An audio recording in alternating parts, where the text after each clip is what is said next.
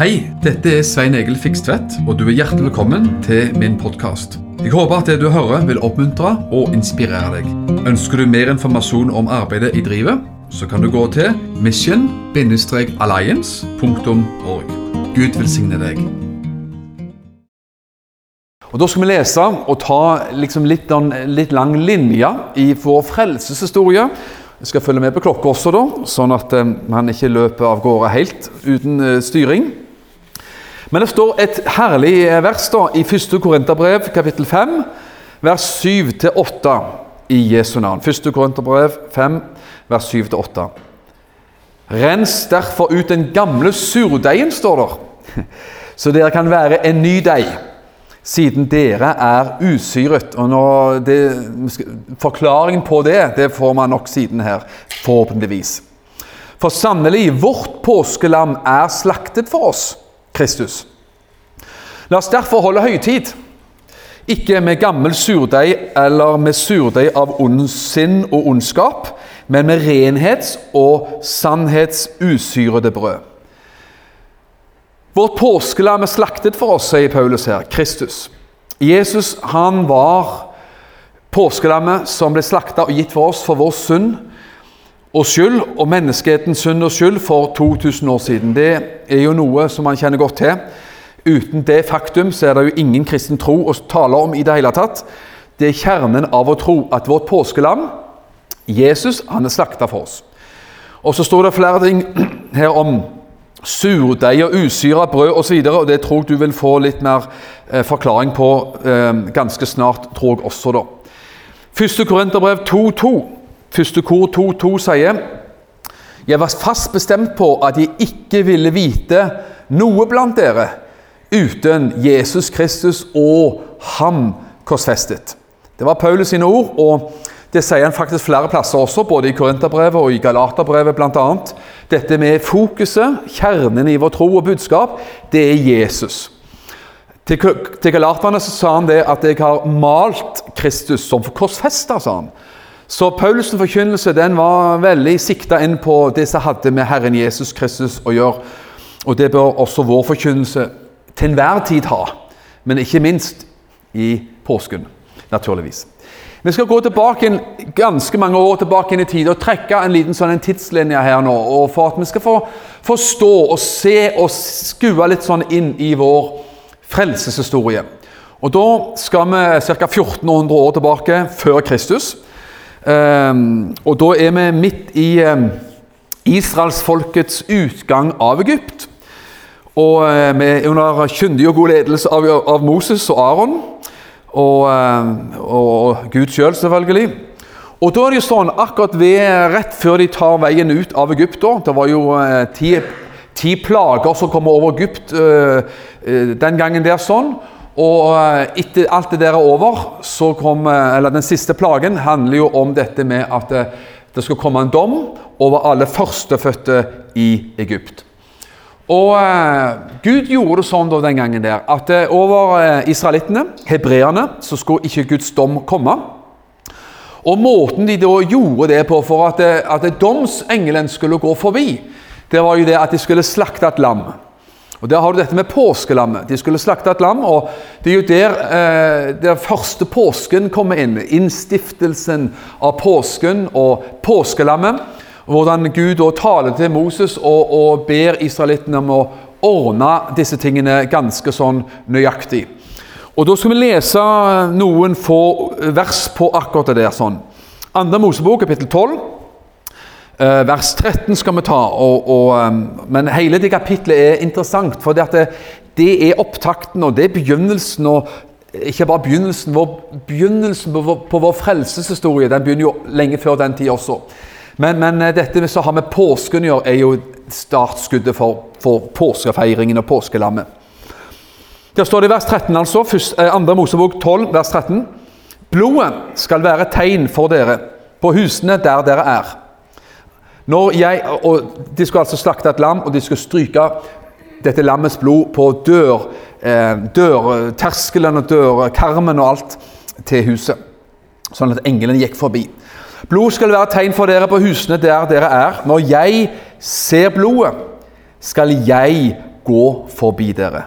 Det er et nøkkelvers. Når jeg ser blodet, skal jeg gå forbi dere. Hvem er jeg? Du er jo Gud, men det er altså i form av representert ved denne domsengelen som skulle gå forbi de som hadde dette blodet strøket da, eh, på, på, på dørkammene.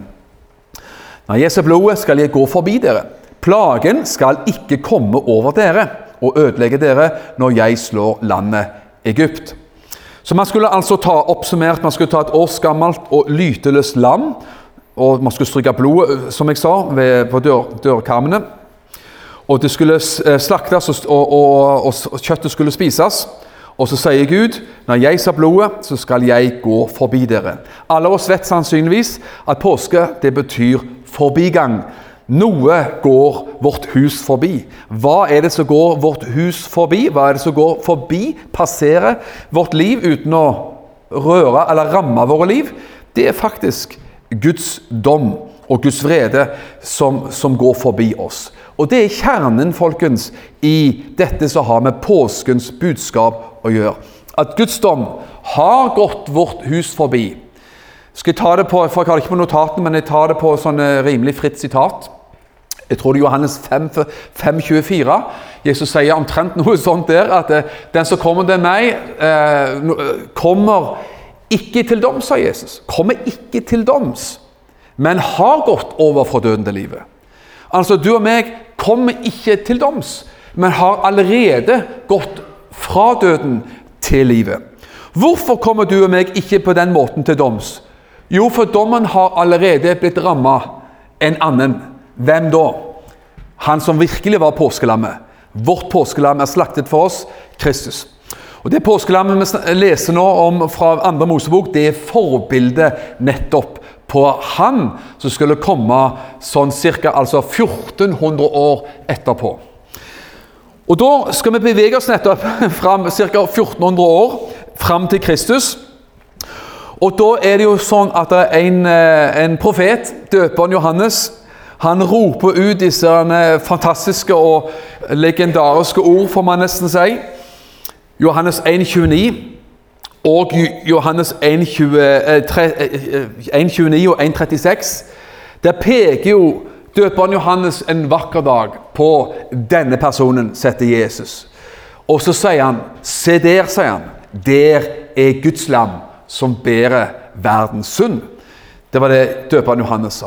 Og Det syns jeg er sterkt. Og så tenker på det at da hadde man altså Jødefolket hadde feirt påske i ca. 1400 år siden utgangen av Egypt. Og man feirer jo påske fremdeles, både jødefolket og de kristne. Men da hadde man altså feirt dette påskelammet, eller slakta påskelammet årlig i 1400 år. Man hadde båret det fram som et offer, et lyteløst lam.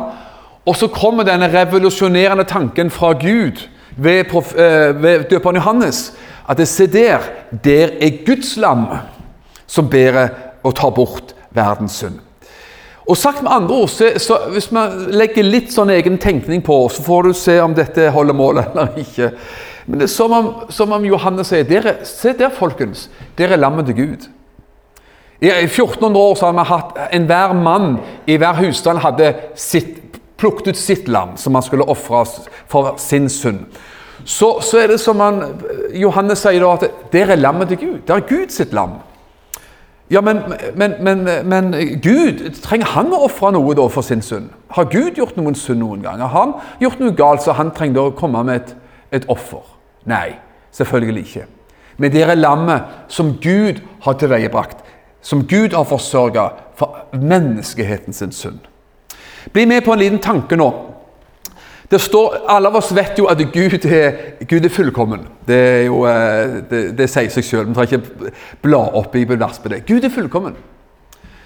Og Gud, uh, Gud krever av den grunn et fullkomment offer for menneskehetens synd.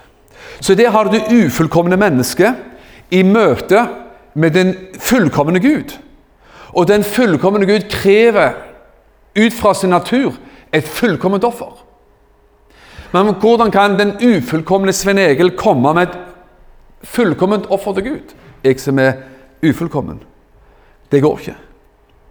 Og der er det som om Gud en gang i historien tenkte og sa jeg skal fikse det fullkomne offer for disse ufullkomne menneskene. Det er som om Gud sier, hvis jeg skal igjen, Svein Egils fantasi kommer litt igjennom her nå, du får tilgi meg Det er som om Gud sier at nå har vi holdt på i ca. 1400 år med å få menneskene til å komme med det beste de har, det mest lyteløse lammet de har. Men det holder ikke. Det holder ikke mål. Nå skal jeg komme opp med det lammet som virkelig duger for, enhver, for ethvert menneske. Det fullkomne lammet. Der, det, se der er Guds lam. Og det lammet det er så fullkomment og det er så perfekt at det vil holde for all tid og all evighet for menneskehetens synd. Det eneste og fullkomne, mest fullkomne offeret som kunne komme, det var det Gud kom opp med sjøl. Se der, er, der er lammet til Gud. Der er Guds lam som bærer verdens synd. Da var det fullkomne offeret brakt til veie for vår synd og vår skyld. Hebreerne 10,4 sier Hebreerbrevet er jo et interessant eh, brev i denne sammenhengen, som virkelig passer til å studere både i påsken og ellers. Hebreerne 10,4 sier For det er ikke mulig at blodet av okser og bukker kan ta bort synder. Altså, blod av sånne type offer kan ikke ta bort synder for menneskeheten. Og Igjen så skal jeg Svein Egil snakke på sitt eget tabloide språk. da. Og Det er som om dette blodet fra disse årlige lammene man skulle komme fram med Det var som om det blodet og det offeret gikk ut på dato. Det har holdt akkurat ett år. Så var holdbarhetsdatoen borte. Men når det fullkomne lammet kommer, Guds lam Se der er Guds lam som bærer verdens synd.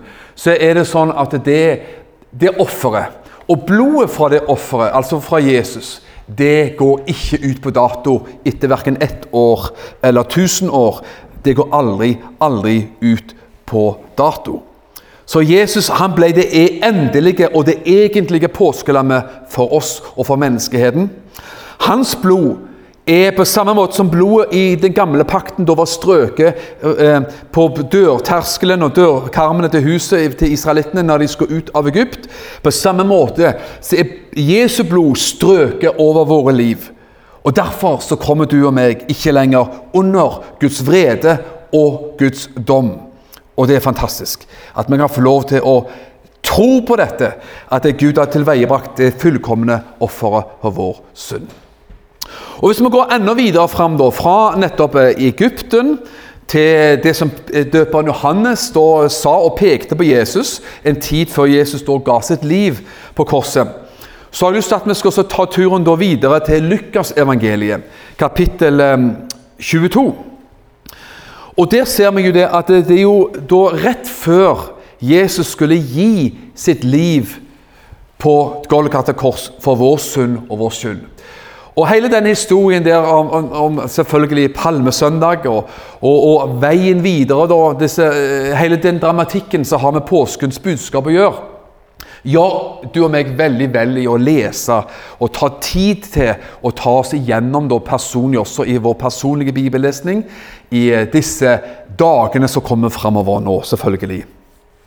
Men da i Lukas 22, vers 7 blant annet, der sånn, så står det jo det at det, det var jo opptakten til at Jesus skulle, dø på korset, så står det, det at eh, så kom dagen for de usyrede brød. Altså, det er jo påsken. Usyrede brøds høytid. Da påskelammet skulle slaktes. Det var det de gjorde. Og det hadde de gjort altså i 1400 år. Nå var dagen kommet også for Jesus og disiplene og alle andre i Israel at de skulle slakte påskelammet. Han sendte Peter og Johannes av sted og sa:" Gå og gjør i stand påskemåltidet for oss, så vi kan ete det. Så Jesus og hans disipler de fulgte jo tradisjonen, naturligvis, og de gammeltestamentlige påbudene om at de skulle da feire påsken og, og slakte påskelammet og, og, og gjøre de tingene på den rette måten. Og Noen få vers litt lenger fram her, sånn i Lukas 22. Og Da leser jeg også fra vers 14 og nedover. Da timen var kommet, satte Jesus seg ned og de tolv apostlene med ham. Så sa han til dem, med inderlig lengsel har jeg ønsket å ete dette påskemåltidet med dere før jeg lider. For jeg sier dere, Jeg skal aldri mer ete av det før det er fullkommengjort i Guds rike. Så tok han kalken, takket og sa, ta dette og del det mellom dere. For jeg sier dere, jeg skal fra nå av aldri mer drikke av vintredsfrukt før Guds rike kommer. Så mitt, alt det der handler om at Jesus og hans disipler de feirer den jødiske, gammeltestamentlige påsken sammen. Og, og spiser påskelammet, som var liksom sentrum for, for, dette selvfølgelig måltidet og denne hendelsen her. sånn. Men så skjer det noe fantastisk, som, som der Jesus enda mer trer inn i dette og beviser bevise og peke på at det fins noe som ennå mangler. Og det er at det egentlige påskelammet, det er Jesus sjøl. Og Derfor så går jo Jesus nå fra at han, de er ferdige med rundt bordet med å spise påskelammet, så, står det plutselig, så, så skjer det noe nytt i dette. Og Da leser vi fra vers 19. Og står det han tok et brød. Nå hadde de spist påskelammet, men nå gjør Jesus noe, noe helt nytt. Og han tok et brød, takket, brøt det og sa, og ga dem og sa Dette, sier han, er mitt legeme, som er gitt for dere. Gjør dette til minne om meg. På samme måte tok han også kalken etter måltidet og sa denne kalk er den nye pakt i mitt blod, som utgytes for dere. Kan du se det at de hadde spist det gammeltestamentlige påskelammet? Og det er jo veldig mange av oss i vår tid nå som spiser ofte lam i påsken, og sånt, og det er jo en bra tradisjon, som har sitt opphav i disse tingene her. sånn. Men etter Jesus da hadde spist påskelammet med disiplene sine, så, så, gjør Jesus noe helt nytt. Han tar et brød, gir dem et brød og sier at dette er mitt legeme, sier han, som gis for dere, sier han. Og så tok han også kalken, eh, vinbegeret, og så sier han denne kalk er den nye pakt i mitt blod, som utgjør gydes for dere. Og Da sier Jesus at eh, folkens det, nå, Igjen så er det Svein Egils eh, fortolkning og Svein Egils kommentar som kommer mellom linjene her. Jeg innrømmer det. Det er som om Jesus sier at nå, folkens, nå når innringes noe nytt. Det er som om Jesus sier det er jeg som er det egentlige påskelammet. Det vi har gjort fram til nå, det, det lammet vi nettopp har spist, og det lammet vi har spist, vårt folk har spist i 1400 år, det, det peker på meg. Det handler om at det er jeg som er Guds lam. Og så sier Jesus når han rekker begeret med vin, så sier han at det, dette er den nye pakten i mitt blod. Så Jesus sa nå folkens, nå kommer det her og nå en ny pakt. Fram til nå vi har hatt en forrige pakt, men nå er det en ny pakt i mitt blod. Ikke noe fysisk, naturlig eller bokstavelig talt lam, men nå er det en ny pakt i mitt eget blod som gjelder altså fra nå av. Og det syns jeg er fantastisk at vi kan få lov til å se hvordan frelseshistorien vår, og hvordan også Bibelens budskap, syns jeg i hvert fall, er så fantastisk. Og det er den frelsens røde tråd, eller blodspaktens røde tråd, er fantastisk. Og Derfor oppmuntrer jo jeg både deg og meg til å lese både Det nye testamentet og Det gamle testamentet, og se hvordan eh, alle bøkene i Bibelen, og, og, hvordan denne røde tråden går fra tidenes morgen, egentlig, hvis vi skal ta det helt tilbake inn i tid. Fra syndefallet i, i, Edens hage og fram til han som roper på korset at det er fullbrakt. Hvordan den røde tråden, frelsestråden, eh, går igjennom hele Bibelen. Første kor 5-7 enda en gang. For sannelig, sier Paulus. Da sier han det en del år etterpå også. For sannelig, vårt påskelam er slaktet for oss, Kristus Jesus. Og får vi si det sånn når Adam og Eva de spiste jo av den forbudne frukt i Edens hage, og når de gjorde det, så ble jo synden og ondskapen og fallet en del av deres liv. Det er sånn at Når de spiser Du blir hva du spiser, er det noe man eh, av og til sier. De spiste syndens frukt og den forbudne frukten, og synden ble en del av deres liv. Når et menneske nå spiser av hva Jesus har gjort for oss på korset, Da får vi del av hans rettferdighet. Når vi spiser av hva han har gjort, og spiser av det fullkomne og det egentlige Guds lam, Kristus Jesus, da får vi del av ham, og vi får del i hans rettferdighet.